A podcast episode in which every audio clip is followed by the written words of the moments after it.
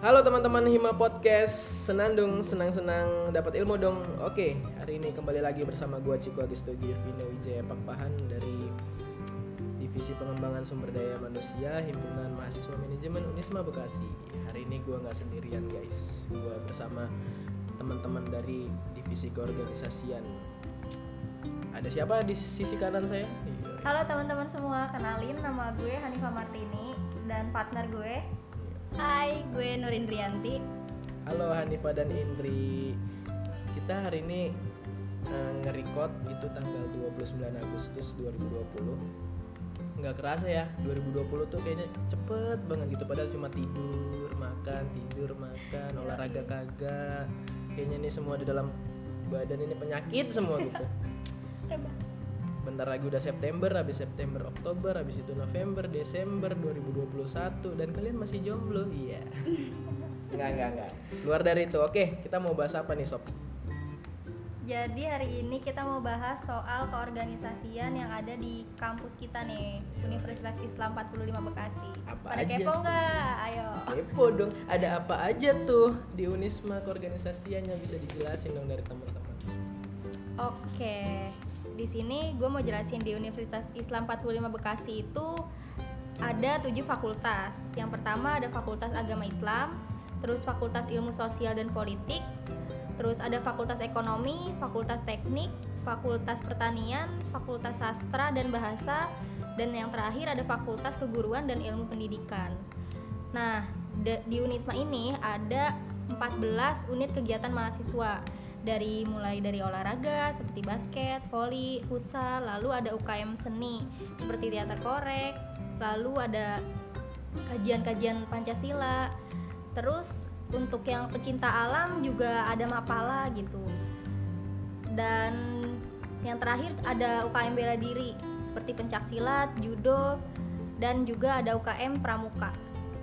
Jadi cukup banyak ya organisasi dari internal fakultas atau jurusan maupun UKM gitu ya. Yang sebenarnya ya emang ini sih bermanfaat banget bagi mahasiswa gitu organisasi. Mau dia yang di jurusan mau dia yang di fakultas ataupun di UKM UKM jadi bener banget. jadi teman-teman kenapa teman-teman masuk organisasi nih? Kalau dari dari sudut pandangnya anak organisasian sendiri nih kan anak organisasian mencangkup nih. Kenapa sih kita harus masuk organisasi gitu Ya, banyak yang bilang eh, pasti kayak buat apa sih kita masuk organisasi? Iya nggak sih? Karena kuliah itu kita tuh cuman mikirin buat kayak kuliah, akademik, dan abis itu jadi sarjana, lulus. Nah, tapi nggak hanya itu. Kita belajar itu bukan cuma di akademik saja, tapi ada di organisasi tersebut. Kita bisa meng- mengembangkan skill kita dan menambah wawasan pula gitu. Mungkin dari sudut pandangnya Kak Hanifah nih gimana sih tentang organisasi gitu? Iya, kalau menurut gue eh, kita gitu selaku masih muda sayang banget kalau misalkan cuma nuntut ilmu tuh cuma dari akademik gitu. Kita bisa ngembangin diri kita untuk lebih dari itu dengan mengikuti organisasi gitu yang ada di kampus maupun di luar gitu. Jadi nggak cuman ah gue males eh, ikut eh, apa namanya UKM UKM atau himpunan kalian juga bisa gitu nyari ilmu di luar yang non akademik kalian bisa ikut kursus-kursus dan segala macam gitu untuk mengembangkan diri kalian gitu. Karena nanti pada kenyataannya kita di dunia kerja nggak cuman hanya pakai ilmu akademik aja gitu. Kita juga eh, harus bisa punya soft skill gitu. Itu sih menurut gue ya jadi jangan sampai salah makna ya bagi semua orang. Sebenarnya organisasi sama akademik itu harus balance lah istilahnya 50-50 karena ya berorganisasi itu sama kayak yang Hanifa bilang tadi bahwa untuk menambahkan soft skill. Pada akhirnya kan ketika kita lulus nih misalnya kita jurusan manajemen belum tentu kita kerja di bidang manajemen kan. Maka dengan adanya organisasi misalnya kita berkecimpung dalam organisasi olahraga bisa jadi setelah tamat kita jadi atlet gitu. Iya. atau kita masuk ke dunia kesenian bisa jadi setelah tamat kita menjadi seniman atau apalah gitu ber- berbau seni seni senian gitu. Ya, oke jadi kalau dari Hanifa dan Indri pernah nggak sih masuk fase di mana orang tua nanya apa sih harus organisasi? Maksudnya eh, pasti kan orang tua pernah nih udah kamu kuliah aja. Mama kan cari uang papa kan cari uang ya untuk kamu kuliah gitu. Biar habis kamu kuliah ya kerja gitu. Itu untuk untuk menjawab pertanyaan-pertanyaan orang tua itu gimana tuh? Soalnya kan ada nih orang tua yang mungkin nggak tahu apa sih manfaat organisasi. Gitu. Kalau dari gue alhamdulillah gue punya orang tua yang justru nge-push gue untuk ikut organisasi gitu. Sport ya berarti ya? support gitu. Jadi alhamdulillah banget gue nggak perlu jelasin panjang lebar mereka udah ngerti gitu. Dan justru mereka malah nyuruh gue gitu. Dan mungkin kalau misalkan dari kalian ada yang orang tuanya seperti itu mereka tuh butuh dijelasin gitu. Jadi kalian harus bisa eh, menjelaskan kepada mereka dan kalian harus bertanggung jawab gitu apa yang kalian pilih. Kayak gitu sih. Nah, kalau dari gue sendiri ya sama kayak Hanifah tadi, orang tua gue itu dia selalu nge-support gue. Apa yang gue jalanin ya yang penting itu manfaat buat gue sendiri gitu. Kalau ada orang tua yang seperti itu, mungkin dari kitanya yang harus bisa ngeyakinin atau kasih kepercayaan kalau kita tuh bisa loh mah, nggak cuma di akademik aja gitu. berarti istilahnya kita harus bisa ngerasionalin opini kita lah sama orang tua kan gitu gimana sebenarnya organisasi itu penting penting banget ketika kita merasa bahwa ilmu kita di kampus ini kurang gitu. Maksudnya di dalam jurusan masing-masing. Gue pernah dengar teman gue bilang gini gue pernah ngobrol gitu kan "Eh, lu ngapain sih organisasi? Ya karena gue ngerasa gue di kelas nih ilmu gue kurang. Ilmu gue maksudnya gue kurang nangkep. Ketika gue kurang nangkep dan gue berusaha nangkep tapi gue nggak nangkep nangkep lebih bagus gue menambah ilmu di luar gitu. Maksudnya gue tetap balance antara kuliah dan organisasi. Tapi banyak orang yang menurut pandangan gue nih ya organisasi ini bukan sebagai media belajar tapi sebagai media eksistensi gitu untuk mena- menambah apa sih bukan menambah sih eh, menaikkan namanya gitu itu Iya, menurut teman-teman gimana nih Iya, kalau menurut gue sebenarnya faktor eksistensi apa ya? Secara nggak langsung bakalan dapet gitu Dapet. bagi kita yang emang ikut organisasi gitu. Ja- jadi nggak usah ngarepin ah gue pengen ikut organisasi, gue pengen terkenal. Lu nggak usah kayak gitu juga lu bakalan terkenal itu gitu. bonus lah ya Bonus, Bonus. gitu bener. Jadi ya kalau untuk eksistensi ya mending lu jadi artis aja gitu ngapain lu Yoi. eksistensi di kampus doang mending lu se Indonesia gitu Bener, kan bener, bener. gitu sih menurut gue jangan nanggung nanggung lah jadi Iya. orang langsung saja kamu yang mau organisasi untuk eksistensi kamu ikut casting betul Jangan guys. masuk organisasi. Organisasi adalah tempat atau media belajar tambahan.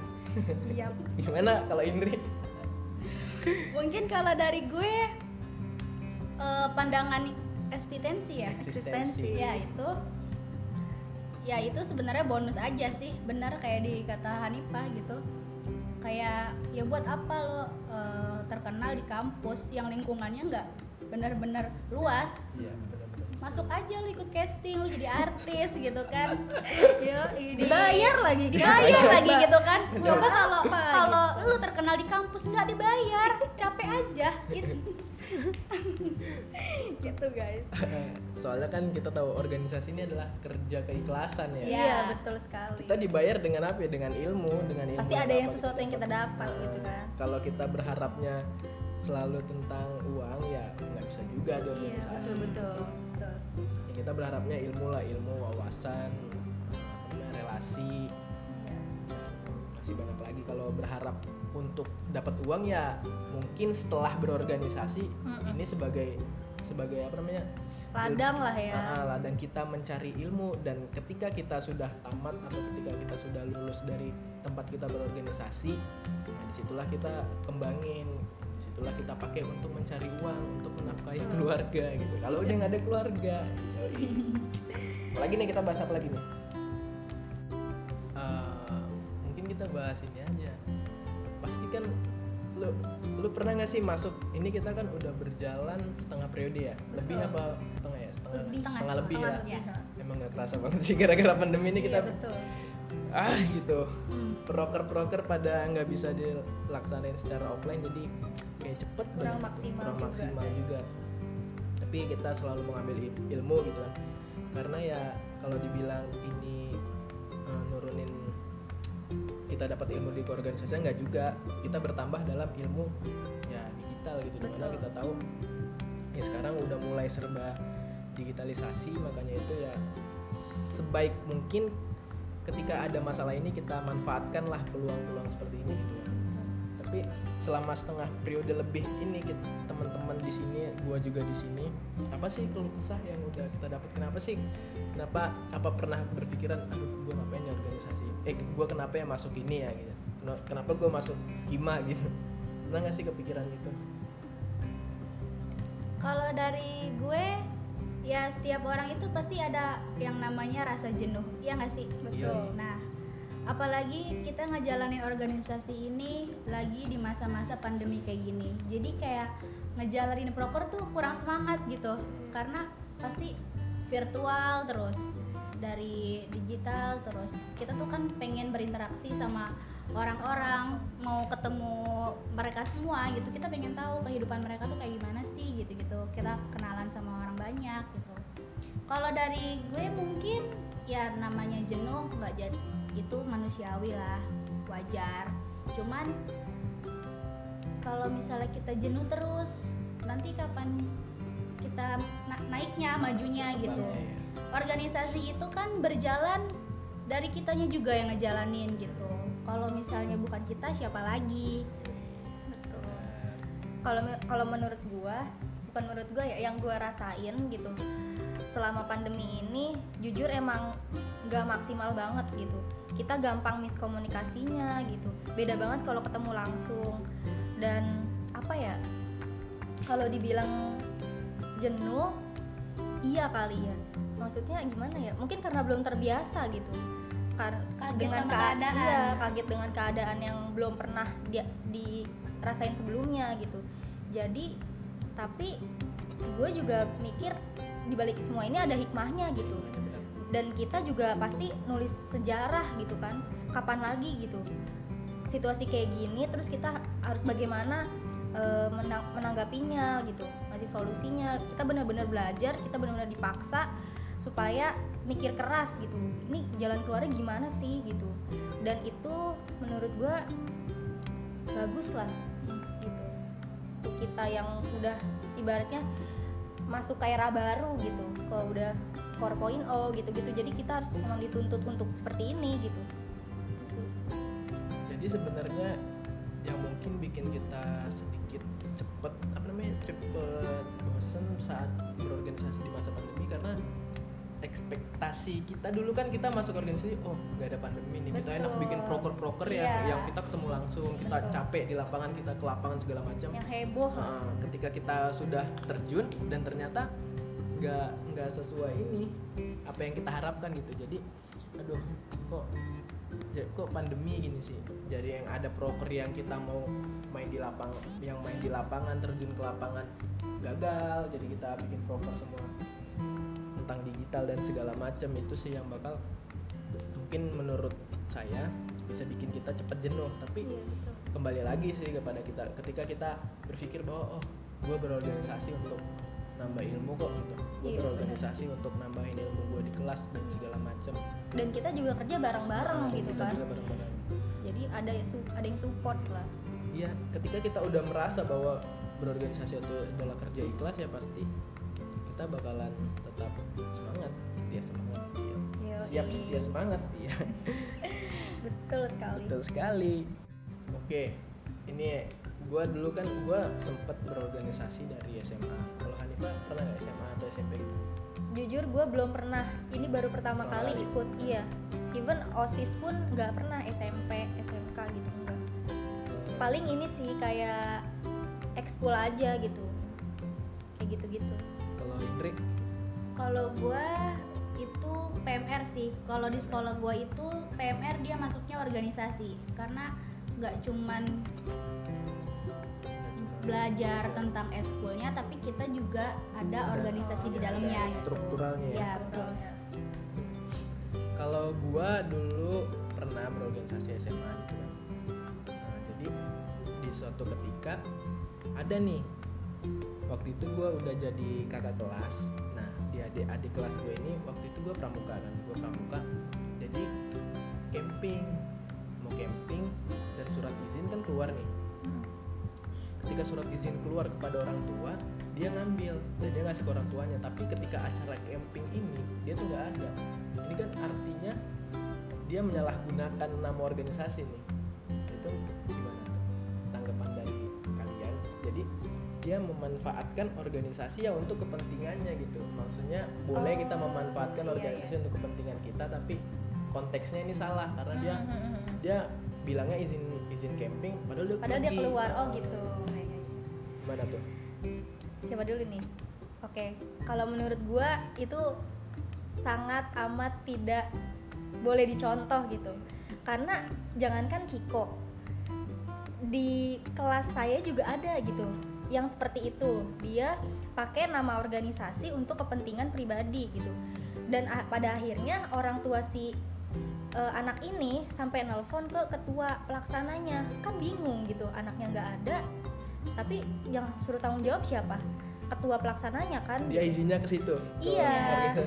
dia izinnya mau pergi ke sana tapi dia nggak datang terus ketupatnya ditelepon lah sama orang tuanya. Akhirnya ya jadi masalah gitu. Jangan sampai teman-teman yang dengerin podcast ini mencontoh hal tersebut gitu. Karena itu benar-benar merugikan sih Iya. kita yang ikut organisasinya gitu. Kalau dari gue ya buat orang-orang yang kayak gitu sebenarnya bukan jelek di kitanya dap- tapi jelek di organisasinya juga. Ya nggak sih? Iya. soalnya gimana ya? Ya gak ada bagusnya gitu. Buat apa sih kita kayak organisasi dijadiin alasan buat yang lain gitu? Nggak guna juga sih nggak penting. Nambah dosa guys Ya, ada iya. bohong sama orang tua. Ya itu dapat ilmu kagak dapat Iya. dosa iya jadi lu keluar juga lu hati-hati aja gitu. Enggak. Jadi ya kalau emang mau berorganisasi untuk dapat ilmu ya udah gitu. Cari ilmu aja jangan memanfaatkan organisasi. Nggak apa-apa sih man- di organisasi itu emang istilahnya alat lah untuk diri kita kan. Alat untuk diri kita berkembang tapi jangan salah makna alatnya untuk berkembang yang lain nih. Iya itu yang mungkin salah bagi orang-orang mending kalau positif gitu ya. Ya mending kalau positif. Positif sebenarnya. Organisasi itu jangan sampai dan organisasi ini kan positif gitu kan untuk mengeluarkan aura-aura positif kita dalam diri. Tapi jangan sampai digunakan untuk malah melakukan hal-hal yang negatif gitu. Betul. Banyak nih pasti anak-anak organisasi kan melakukan hal-hal negatif itu jadi salah gitu. Maksudnya kalau melakukan hal-hal negatif ini boleh tapi keluar konteks dari nama organisasinya karena kan dalam organisasi ketika satu orang menjelekkan organisasinya nih ya pasti organisasinya jelek ya teman-temannya yang lain walaupun dia positif pasti bakal kena kan ya Iya, betul benar. oke ada lagi yang mau kita bahas nih oke kalau nggak ada lagi gimana nih eh, kesan-pesan dari Hanifa dan Indri selama berorganisasi itu apa? Oke, kalau dari gue kesan pesan gue selama berorganisasi dari gue masih sekolah sampai sekarang gue udah nginjek jadi mahasiswa gitu kan. Kesan pesannya itu bener-bener suka dukanya kita dapat pengalamannya kita dapat kita bisa ketemu sama orang-orang baru kita bisa bertukar pikiran sama mereka bertukar pendapat. Bahkan kadang kalau pendapat kita nggak diterima pasti kita langsung kayak debat gitu. Nah itu tuh seru banget sumpah nggak bohong. Terus abis itu kita juga eh, intinya organisasi itu benar-benar seru seru banget. guys. Gue nggak bisa ngomong panjang-panjang benar-benar seru banget. Kalau bagi gue itu seru banget. Ya gue nambahin dari Indri. Buat kalian teman-teman yang dengerin podcast ini semoga yang masih bingung masih ragu gitu mau masuk organisasi push aja diri kalian gitu yakinin diri kalian kalian pasti bakal dapetin sesuatu yang bermanfaat buat hidup kalian dalam masuk organisasi Ya. gitu. Nggak cuma dapet temen dapet relasi baru pokoknya banyak banget selain itu yang bisa kalian dapat gitu. Jadi jangan ragu untuk masuk organisasi. Ya. Kalau mau ngebuktiin itu semua ya masuk organisasi. Betul. Ya jadi gunakanlah organisasi sebaik mungkin ya iya. untuk menambah soft skill kita mengembangkan diri kita. Jadi ketika kita udah Terjun di- terjun ke uh, ke dunia dunia kerja. itu gampang gitu. nih sedikit katanya waktu itu gue sempat nonton dari podcast yang mungkin kita tahu lah semua orang Indonesia mungkin nonton podcast Om Deddy Kombujir waktu dia ngundang Pak Nadim. Pak Nadim bilang gini yang mungkin kurang lebihnya gini gue nggak bisa ngomongnya sesuai yang dia omongin. Dia kan dulu CEO Gojek Gojek ya? Nah, nah dia bilang ya banyak karyawan itu yang pada akhirnya yang paling lama bertahan itu karyawan yang emang dulunya berorganisasi. Dia udah punya bekal untuk bekerja di situlah dia bakal berkembang di dunia organisasi itu. Jadi ketika dia masuk dunia pekerjaan mentalnya dia- udah beda mentalnya ya. udah beda mentalnya udah kebangun. Jadi tinggal ya udahlah oke gue tinggal menambah lagi dari dunia pekerjaan. Tuh, oke. Untuk teman-teman semuanya yang mau berorganisasi jangan takut apa pun itu lakuin manfaatin organisasi sebagai media belajar media pengembangan diri. Mumpung kita masih muda. Kita masih muda. Oke terima kasih. Mungkin itu dari kami. Lebih kurangnya mohon maaf ya sampai jumpa di next episode. Terima kasih teman-teman semuanya. Bye bye bye bye see you